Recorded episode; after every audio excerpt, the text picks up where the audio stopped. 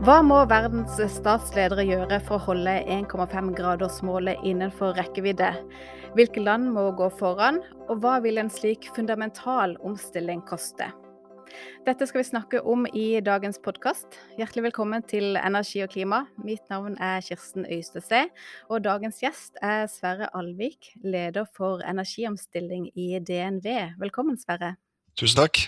Du, Fem år på rad så har jo dere i DNV laga prognoser for hvordan dere tror verden kommer til å utvikle seg. Og hvert år så er konklusjonen at vi ikke er på vei mot målene i Parisavtalen. Og nå har dere for første gang snudd på problemstillinga og sagt at OK, om vi skal begrense temperaturen til 1,5 grader, hva må vi gjøre da? Og før vi går inn på konklusjonene, så FNs klimapanel har laga utslippsbaner som viser hva som kreves for å nå 1,5-gradersmålet. Og i mai i år så presenterte det internasjonale energibyrået sitt veikart mot netto null. Hvorfor har DNV laga et eget veikart mot nullutslipp?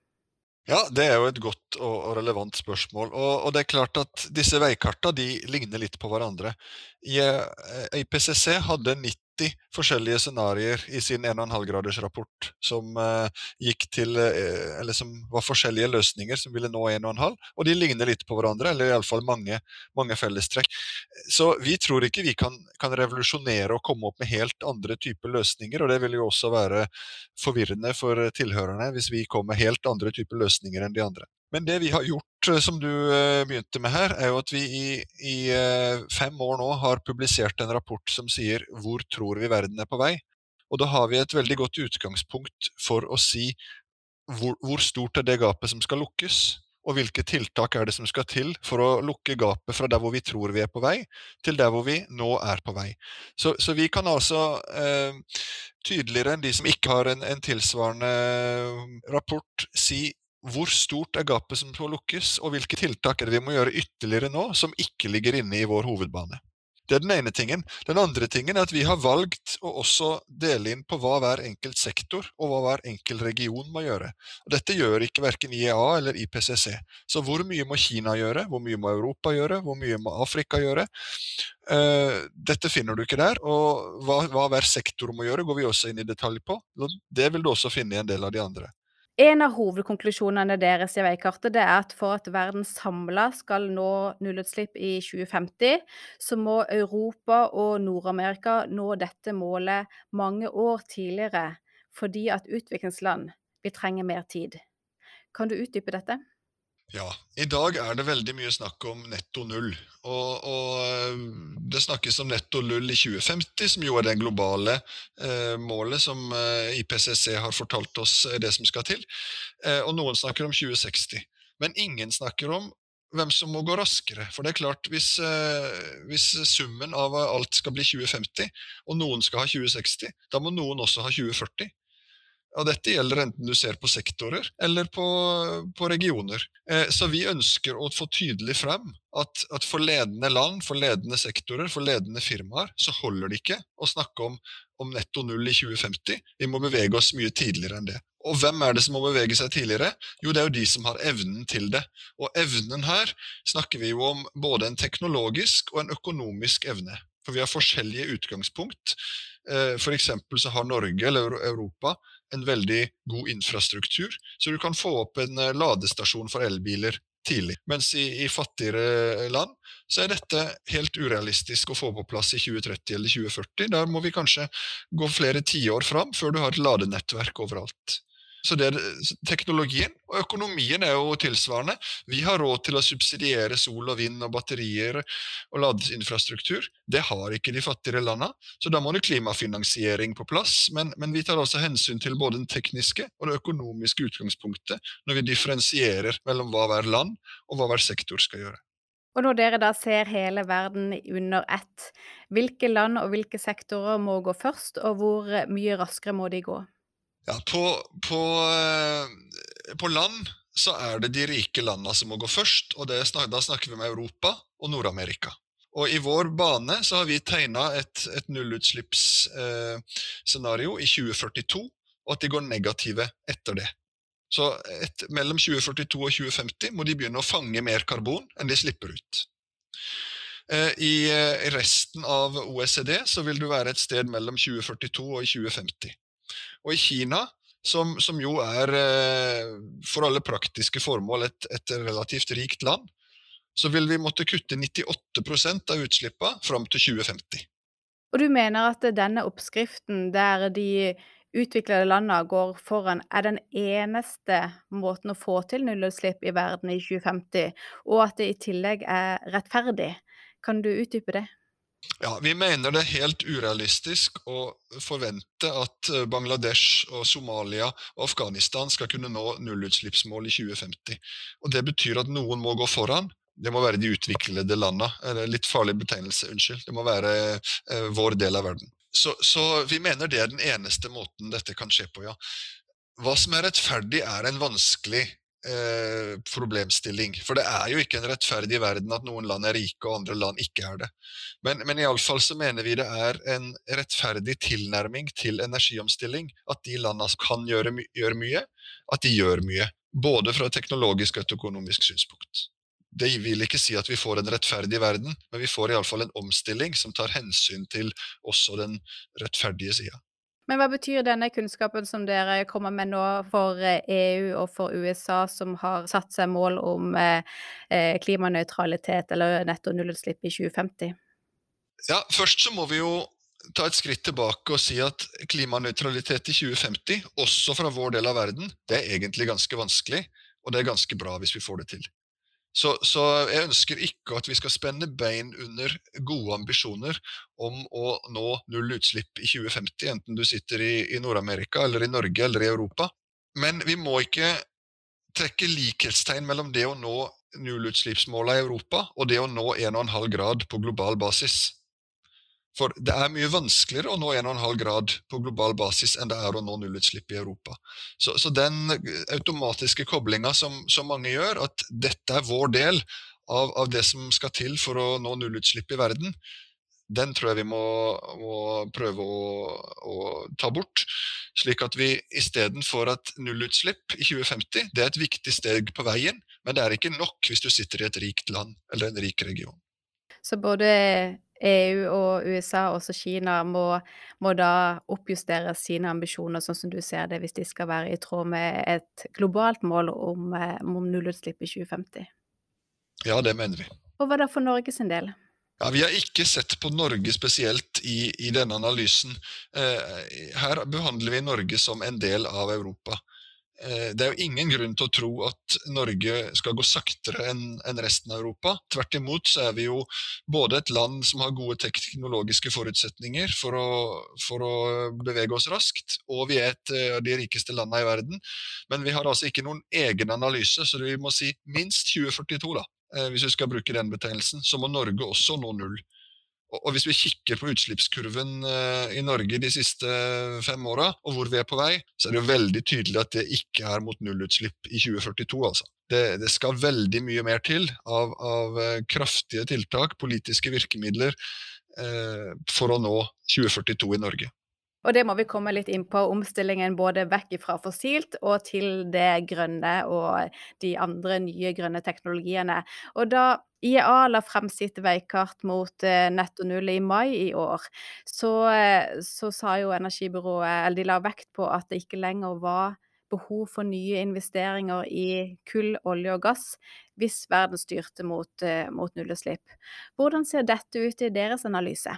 Ja, Vi er i stor grad på linje med eh, IEA her. Vi har valgt i, i vår analyse å veldig raskt trappe ned behovet for, for nye felt. Eh, vi ser det på det som ganske usannsynlig at du fra i morgen stopper alt.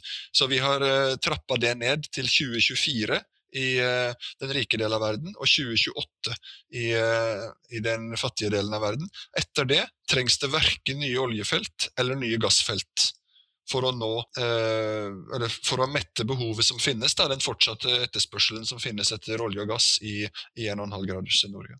Og nullutslipp i 2050 det vil jo kreve store mengder fornybar energi. Det vil kreve også en del hydrogen. Eh, vi må bygge ut strømnettet og annen infrastruktur. Og så må vi fange og lagre en betydelig mengde CO2. Hva er det vanskeligste å få til? Ja, Vi deler ofte energisystemet i to og sier at det som kan elektrifiseres, det går egentlig ganske bra. Prioritet én er å elektrifisere det vi kan. Og, og, I tillegg så må jo elektrisiteten bli grønn. Og i stor del er vi på riktig vei her. Og det vi ser for oss av ytterligere tiltak for å nå 1,5-gradersmålet, er vanskelig, men, men, helt absolutt ikke uoverstigelig. Så de store utfordringene ligger igjen i alt det som ikke kan elektrifiseres. Og vi snakker om, om eh, shipping, om luftfart, om uh, enkelte deler av tungtransport og tungindustri. Uh, med høy, krav for høy uh, varmekapasitet. Og der er det jo hydrogen, eller hydrogenprodukter, og delvis biodrivstoff som er løsningene. Og her må det svært mye til av, av spesielt myndighetsinngrep for å få dette på plass. Og så peker vi, som du sa, på eh, karbonfangst og, og, lagring. For vi finner at 80% av de eh, utslippsreduksjonene som skal til, det kan skje ved en endring i energimiksen og gå over til elektrisitet, til grønn elektrisitet, til eh, fornybar og grønn hydrogen, litt blå hydrogen osv. Men da står vi fortsatt igjen med 20 og disse 20% må vi ta med karbonfangst på den resterende delen av olje og gass.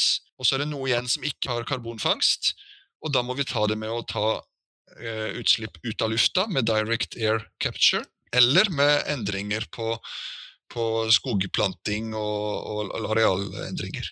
Så 20% av løsningene må leveres med karbonfangst og, og karbonfjerningsmetoder, og 80 med endring i energisystemet. Og det, det, kan være litt greit å huske at, eh, at vi går fra en energiverden som er 80 fossil energi og 20 fornybar i dag, til en som er helt omvendt, som er 20 fossil energi og 80% fornybar i 2050. Og så må vi fjerne resten. Og da for å dekke verdens energibehov i 2050 og ha da såpass mye mindre kull, olje og gass som vi har i dag, hvor mye må vi bygge ut av eh, fornybar energi som sol og vind? Ja, vi må bygge ut mye.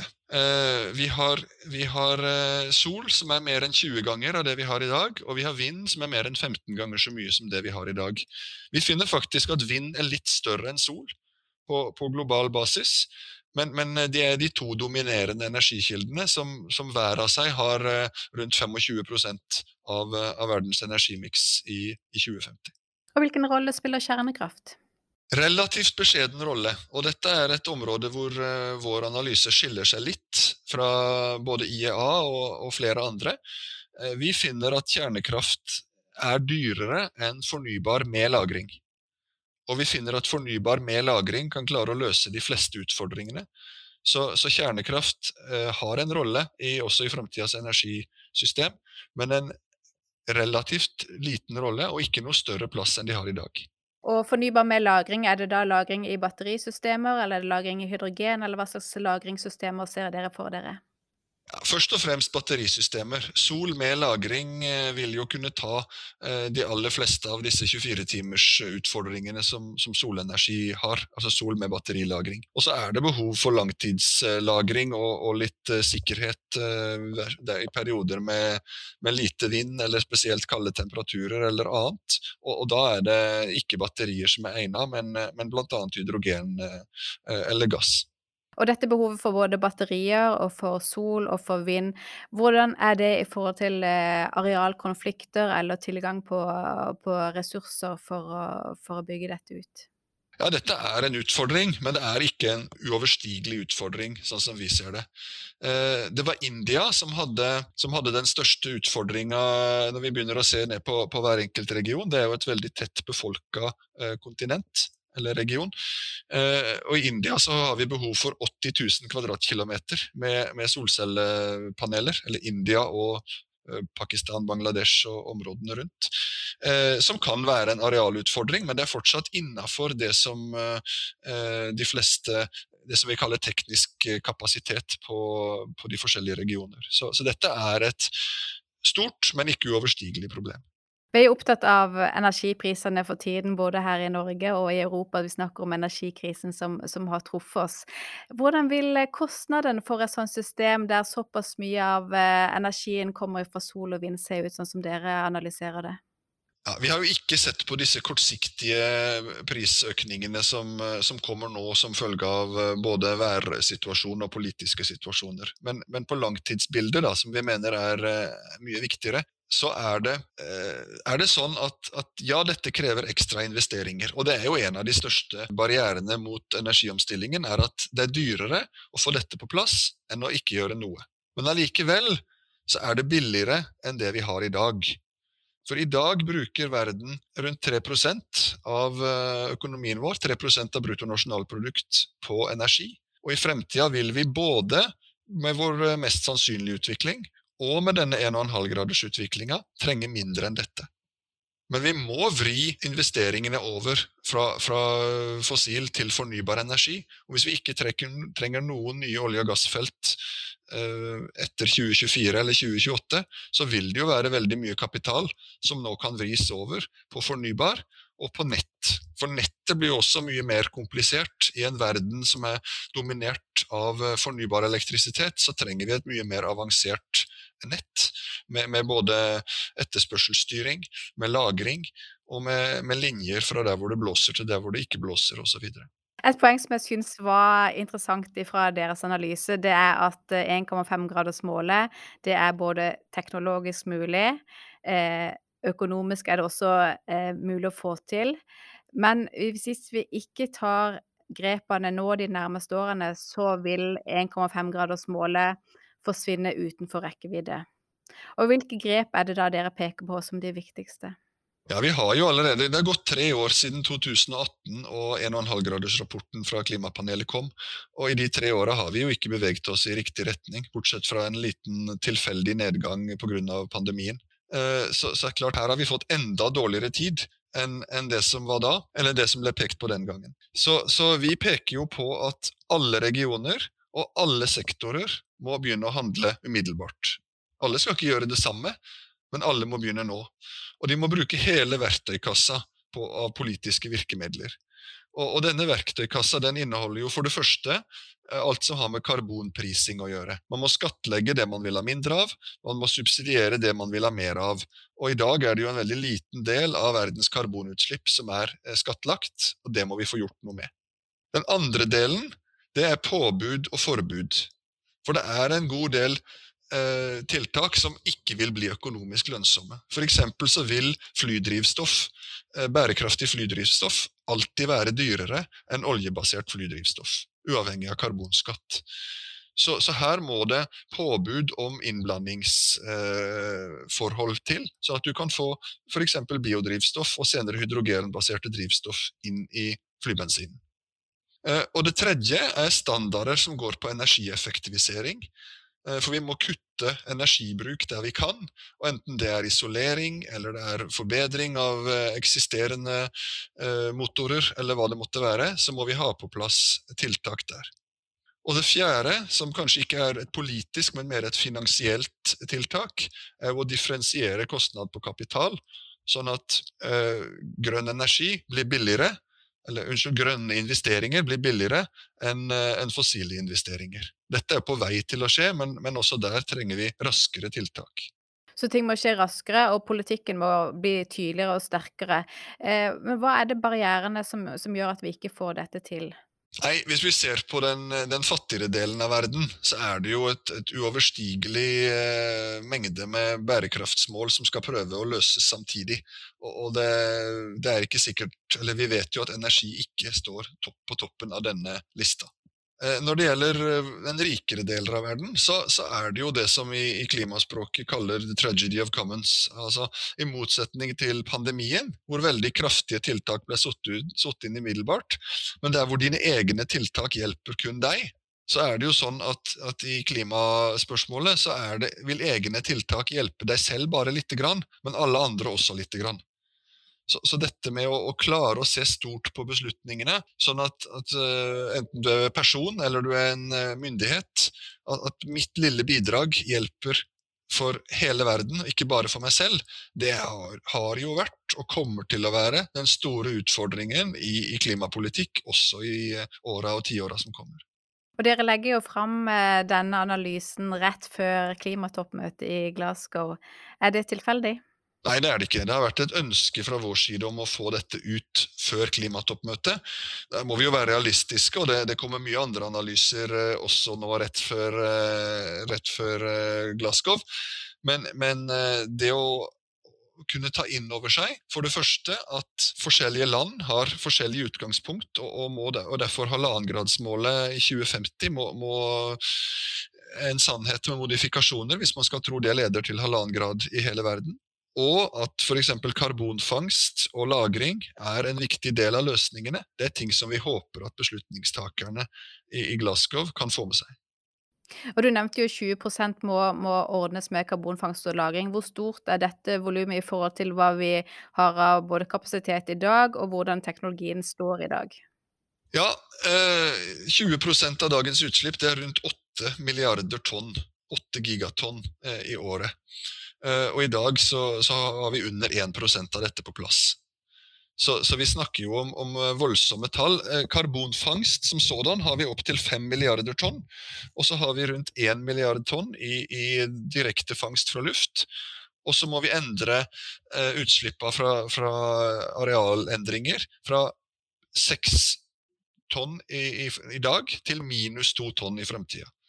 Og, og, dette går jo på skogplanting og, og, andre positive ting man kan gjøre med, med, med måten, altså naturbaserte løsninger, da, som er eh, kanskje det felles betegn, tekniske betegnelsen for dette. Så dette er helt klart svært utfordrende, men, men uh, det finnes jo ingen lette veier til 1,5 grad. Uh, vi sier ikke at vi har pekt på den eneste, men vi har pekt på én mulig vei som vi mener er vanskelig, men realistisk. Eh, og, og, det finnes mange andre veier, men ingen av de er lette. Det vi peker på her, er jo at alle land må gjøre mer. Men, men, eh, men det er jo de landene som, som, har både teknologisk og økonomisk forutsetning for det, som, som må gå foran. Og verken eh, nullambisjonene fra, fra Europa eh, i, og USA i 2050 eller fra Kina i 2060 er nok i henhold til den analysen vi gjør. Da sier jeg tusen takk for at du var med i podkasten til Energi og klima. Ja, tusen takk for at jeg fikk være med, og takk skal dere ha. Takk også til eh, du som lytter på. Abonner gjerne på Energi og klima i den applikasjonen som du foretrekker å høre på podkaster. Takk for i dag.